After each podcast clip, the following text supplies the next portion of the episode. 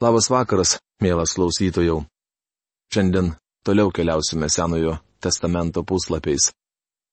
Primenu, kad šiandien toliau nagrinėsime psalmių knygą.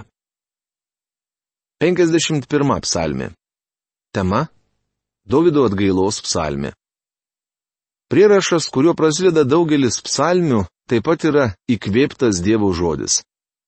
51 psalmės pavadinimas yra reikšmingas ir padeda mums daug geriau ją suprasti. Horo vadovui, Davido psalmė atėjus pas jį pranašui Natanui po jo nusidėjimo su Bačeba. Čia žinoma kalbama apie didžiąją Davido gyvenimo klaidą. Mes neketiname kapstytis po šio vyro nuodėmės detalės. Užtenka pasakyti, kad Davidas sulaužė du dievo įsakymus. Su Bačeba jis sulaužė septintąjį įsakymą - nesvetimausi, Šeštąjį įsakymą nežudysi Davidas sulaužė netiesiogiai, liepdamas pastatyti Bačebos vyrą Ūriją mūšio priekyje, kur aršiausiai kovojama, kad šis būtų parblokštas ir mirtų. Tai niekšingas ir šaltakraujiškas Davido poelgis, mat Ūrija buvo vienas iš jo galiūnų ir ištikimiausių pasiekėjų. Kitaip nebūtų Davido paliepimu ėjęs kovoti mūšio priekyje. Po šio gėdingo įvykio Davidas nieko nedarė ir nieko nesakė. Reikia pažymėti, kad abi šio vyro nuodėmės buvo laikomos įprastų reiškinių Egipte, Babilone, Filistijoje, Edome ar Moabe. Tokie veiksmai minėtuose kraštuose buvo įprasti ir daugiau ar mažiau priimtini. Kaip yra pasakęs vienas žymus pamokslininkas, sumestos į krūvą, kreivos lasdos atrodo daug tiesesnės. Ar kada pastebėjote tai? Panašiai buvo ir šiuo atveju. Kadangi panašias nuodėmės darė daugelis monarchų, jos nebetrodė tokios baisios. Tačiau Dievo akise jos tebe buvo šlykščios. Atrodė, Izraelio karaliui pavyko išvengti bausmės. Tačiau neužmirškime vieno, Davidas buvo Dievo vyras, o savosius Dievas baudžia. Iš tikrųjų jis kankinosi visą tą laiką, kol tylėjo. Vėliau Davidas atskleidė mums, kas tuomet dėjosi jo širdyje. 32 psalmėje jis sako, kol tylėjau, mano kaulai nyko nuo mano nuolatinių dėjonių, rašoma 32 psalmės trečioje eilutėje. Manau, jei būtumėte Davido rūmose tomis dienomis, kai jis tylėjo, pastebėtumėte, kad ant jo galvos kasdien atsiranda vis daugiau žilų plaukų. Šį vyrą kamavo siaubingas nerimas nes dieną naktį mane slėgė tavo ranka, mano jėgos išseko lyg nuo vasaros karščių. 32 psalmės ketvirta eilutė. Štai kaip jautėsi Davidas, slėpdamas savo nuodėmę. Tuomet Dievas nusintė pas karalių pranašą Nataną, kad šis praneštų jam netidėliotiną žinę. Natanas įvykdė šį pavedimą papasakodamas Dovydui istoriją. Dievas nusintė pranašą Nataną pas Dovydą. Atėjęs pas jį šis tarė. Du žmonės gyveno viename mieste. Vienas buvo turtuolis, o kitas skurdžius. Turtuolis turėjo labai daug avių ir galvijų, o skurdžius turėjo tik vieną mažą avelę, kurią buvo nusipirkęs. Ja užaugino, ji užaugo su juo ir jo vaikais, dalydavosi jo duonos kasniu, gerdavo iš jo puoduko, glausdavosi jam ant kelių. Ji buvo jam kaip duktė. Vieną dieną pas turtuolį atėjo pakeleivis. Turtuolis nenorėjo imti savo avies ar galvijo valgiui parengti atėjusiam keleiviui. Paėmė skurdžiaus avelę ir parengė ją svečiui. Ant to žmogaus labai iširdęs Davidas tarė Natanui, kaip gyvas viešpats žmogus, kuris tai padarė, turi mirti. Bet to už abį jis turi atsilyginti keturgubai, nes padarė tokį dalyką ir nepasigailėjo, rašoma Samuelio antros knygos 12 skyriaus pirmoje šeštoje eilutėse. Prieiname vieną iš dramatiškiausių epizodų Dievo žodyje, parodančių, kad Natanas buvo be nedrasiausias žmogus, apie kurį užsimenama šventojo rašto puslapiuose. Natanas tarė Dovydui, tu esi tas žmogus. Samuelio antra knyga, 12 skyrius, 7 eilutė. Pranašas Natanas bedė pirštų į Dovydą ir pasakė, tu tas žmogus. Po šių žodžių karalius Davidas galėjo pasielgti trejopai. Jis galėjo neikti kaltinimą, sakydamas, Natanas meluoja, jis tik nori mane apjuodinti, arba paprasčiausiai ištiesti savo skeptrą į Nataną ir sargybiniai būtų supratę jį be žodžių. Jie būtų išvedę pranašą laukan ir čia pat su juo susidoroja. Dovydui nebūtų reikėję nie prasižioti. Įtariu, kad net jei reikalas būtų sprendžiamas kokiame nors tribunole, kas anomis dienomis buvo nebūdinga. Aukščiausiasis teismas būtų nusprendęs, kad stengdamasis išgauti iš Davido išpažinti, Natanas naudojo neleistiną spaudimą. Taip Davidas būtų išvengęs bet kokių kaltinimų. Trečioji galimybė, kurią turėjo Davidas, buvo priimti pranašo išsakytą kaltinimą. Tai Davidas ir padarė. Jis išpažino savo nuodėmę. Atminkite, kad Davidas nebuvo eilinis žmogus, jis buvo karalius. O karalius neklysta, jis visuomet teisus ir nepakaltinamas. Niekas nedrįzdavo priekaištauti monarchui, bet Natanas išdryso. Įdomiausia, kad Davidas pripažino savo nuodėmę. Grįžkime prie šio įvykio aprašymo. Natanas perduoda Dovydui Dievo žodžius. Užtat kalavijas niekada nepaliks tavo namų, nes mane paniekinai ir paėmėjai Ūrijos Getito žmoną savo žmoną. Taip kalbėjo viešpats. Tikėk manimi aš sukelsiu prieš tave piktą tavo namuose. Paimsiu tavo žmonas tavo akise, duosiu jas tavo artimui ir jis miegos su tavo žmonomis šios saulės akivaizdoje. Tu tai padarei slapta, o aš tai įvykdysiu viso Izraelio akise ir viešai dienos šviesoje. Davidas tarė Natanui, nusidėjau viešpačiui. Natanas atsakė Davidui, viešpats atleidžia tavo nuodėmę, tu nemirsi. Bet kadangi tai darydamas paniekinai viešpatį, tau gimęs kūdikis mirs. Samuelio antra knyga 12 skyriaus 10-14 eilutės. Tokia 51 psalmės priešistorė, mat po to Davidas užsidarė savo kambaryje ir išpažino savo kaltę Dievui. Jo išpažintis užrašyta šioje psalmėje. Visi didėjai Dievo žmonės išpažino savo nuodėmės Dievui. Augustinas savo išpažintis surašė į knygą. Tačiau 51 psalmėje skaitome vieną iš nuostabiausių išpažinčių randamų rašytiniuose šaltiniuose. Šią psalmę sudaro trys dalis. Pirma. Sažinės balsas ir pakaltinimas dėl nuodėmės trečia penkta eilutės. Antra. Nuodėmės išpažinimas ir Dievo gailestingumas šešta dešimta eilutės bei trečia. Prašymas apvalyti ir atnaujinti bendrystę. 11-21 eilutės. Sažinės balsas ir pakaltinimas dėl nuodėmės. Kągi, paklausykime Davido išpažinties. Pasigailėk manęs Dieve iš savo gerumo, iš savo begalinio gailestingumo, sunaikink mano maištingus darbus. Kas kart nuplauk mano kaltę, apvalyk mane nuo mano nuodėmės. Savo maištingus darbus aš gerai pažįstu ir mano nuodėmė man nuolat prieš akis. 51 psalmės 3-5 eilutės. Nuodėmė anaip tol nepaprastas, bet sudėtingas dalykas.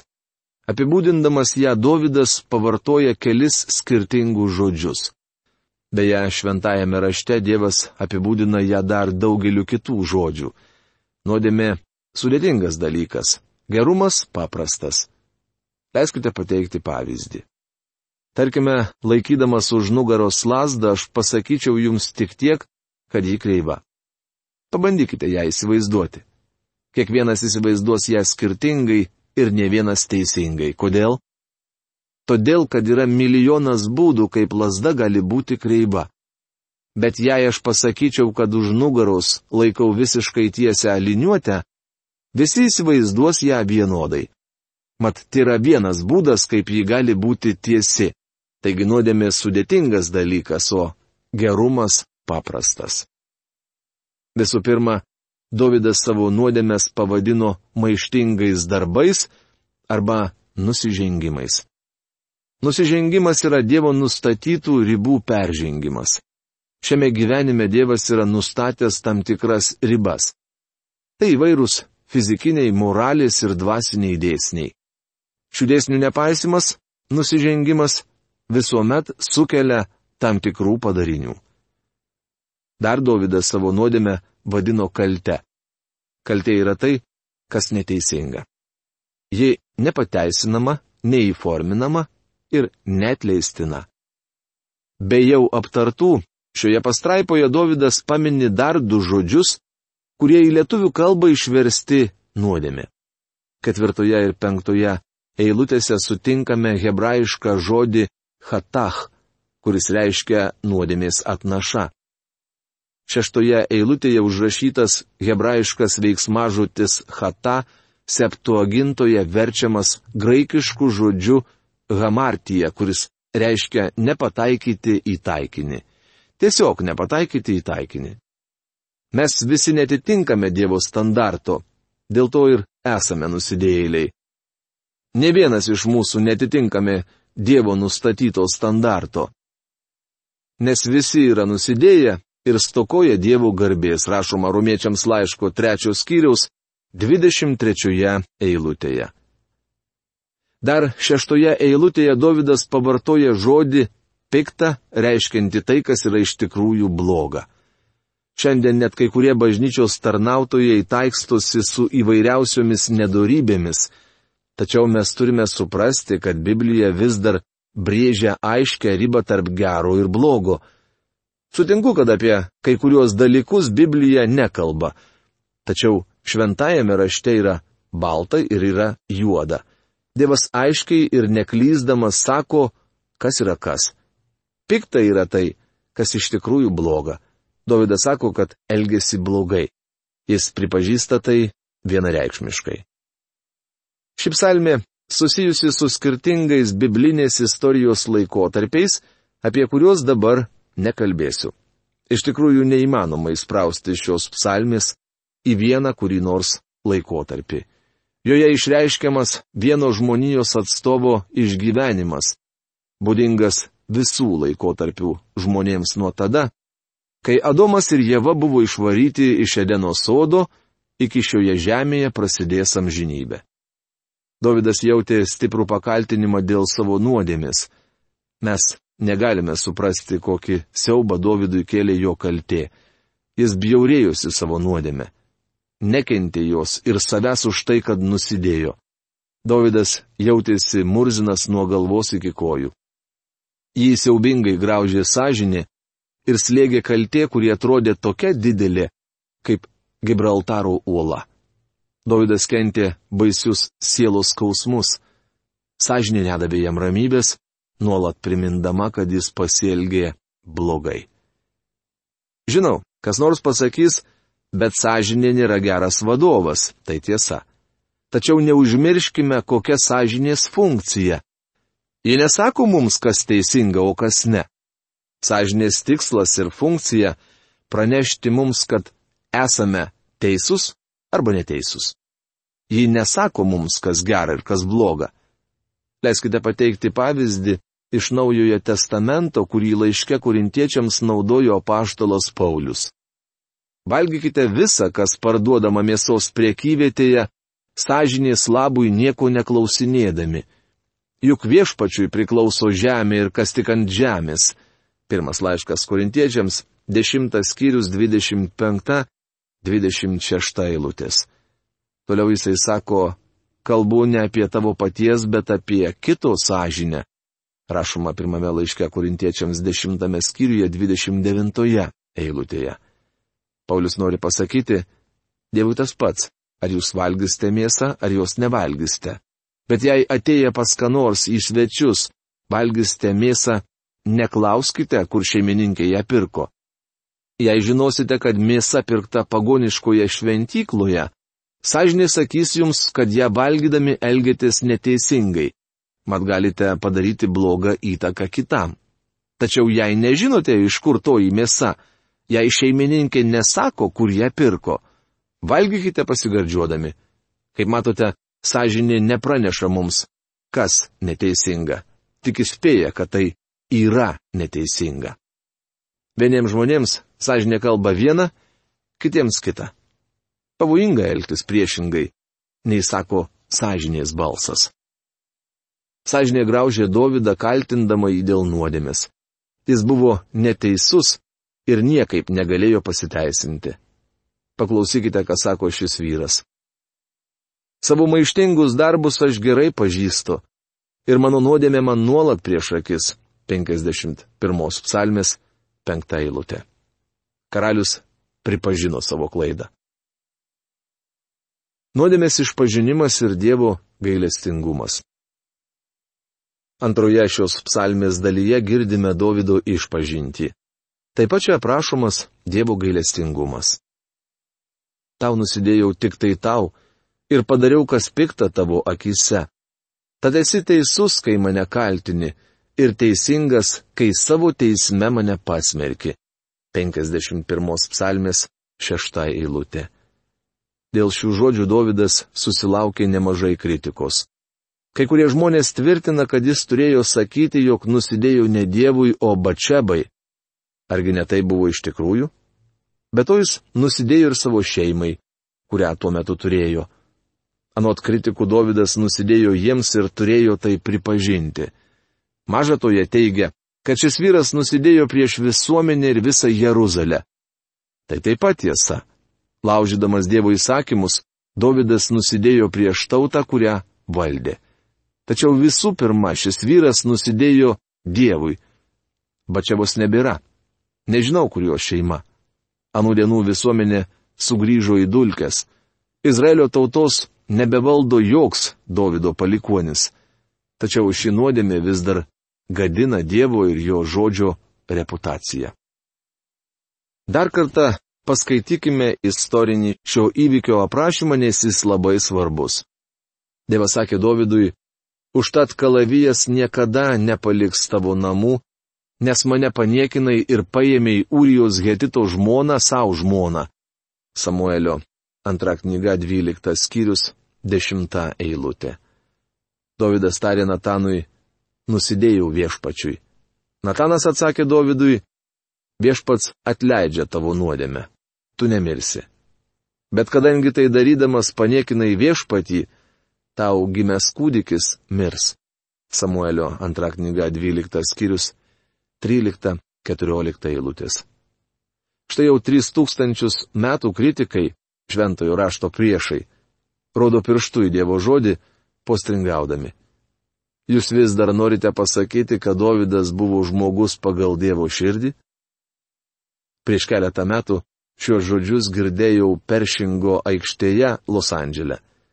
Vienas murzinas vyras su taršytais plaukais, subūręs aplink save minę žmonių, pikdžiugiškai porino. Jie sako, kad Dievas šventas.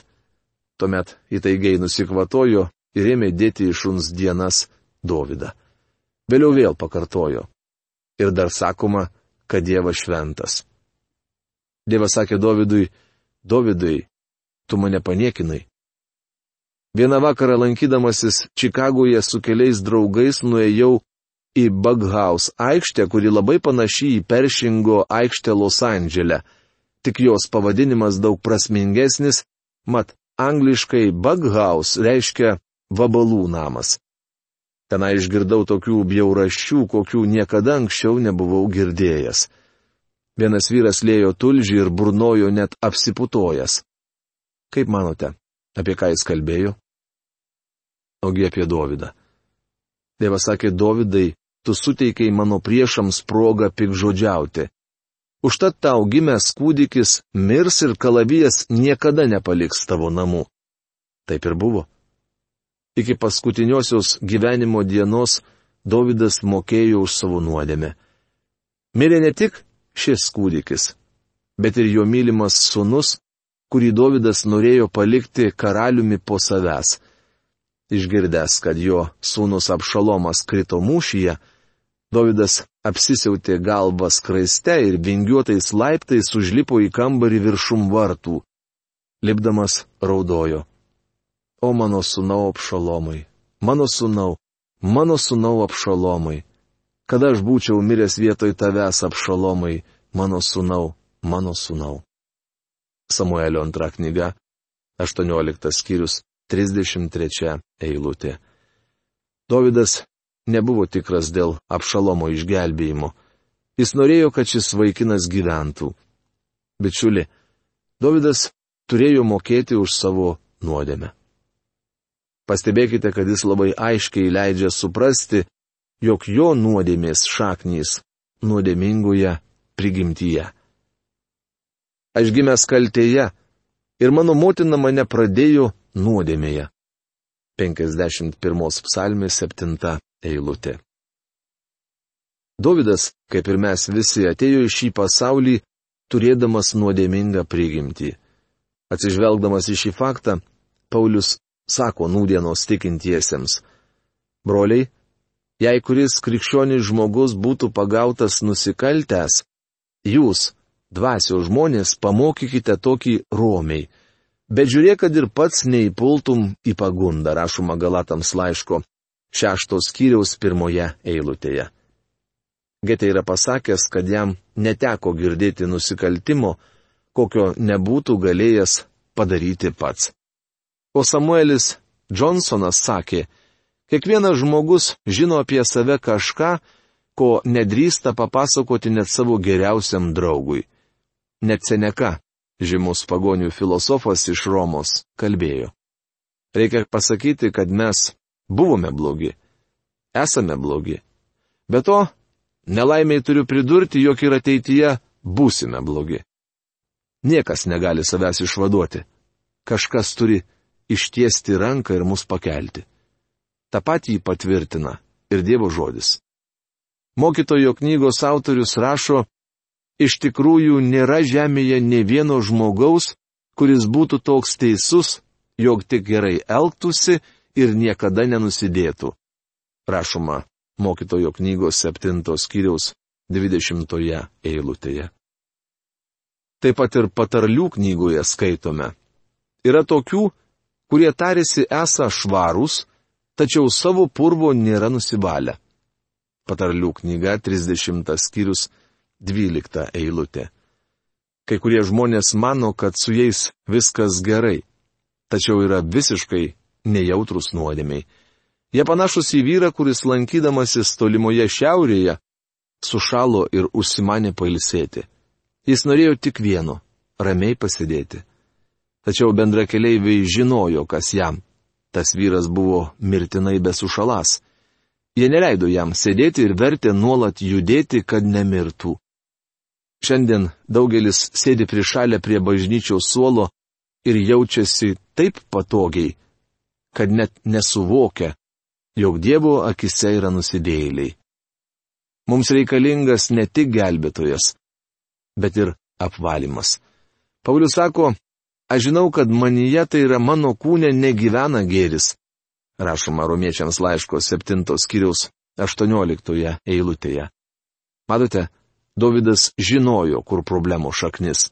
Jis prisipažino, jog turi nuodėmingą prigimtį. Savo išpažinti jis tęsia. Tu trokšti tiesos ir nuoširdumo, todėl mokyk mane išminties lygi širdies gelmių. 51 psalmės 8 eilutė. Dievas nevertina jūsų pagal tai, koks jūs iš pažiūros. Jūs galite būti pakrikštytas, bet neišgelbėtas nusidėjėlis. Galite priklausyti kokiai nors bažnyčiai, bet tai bičiuli tik išorė. Narystė bažnyčioje negarantuoja išgelbėjimo.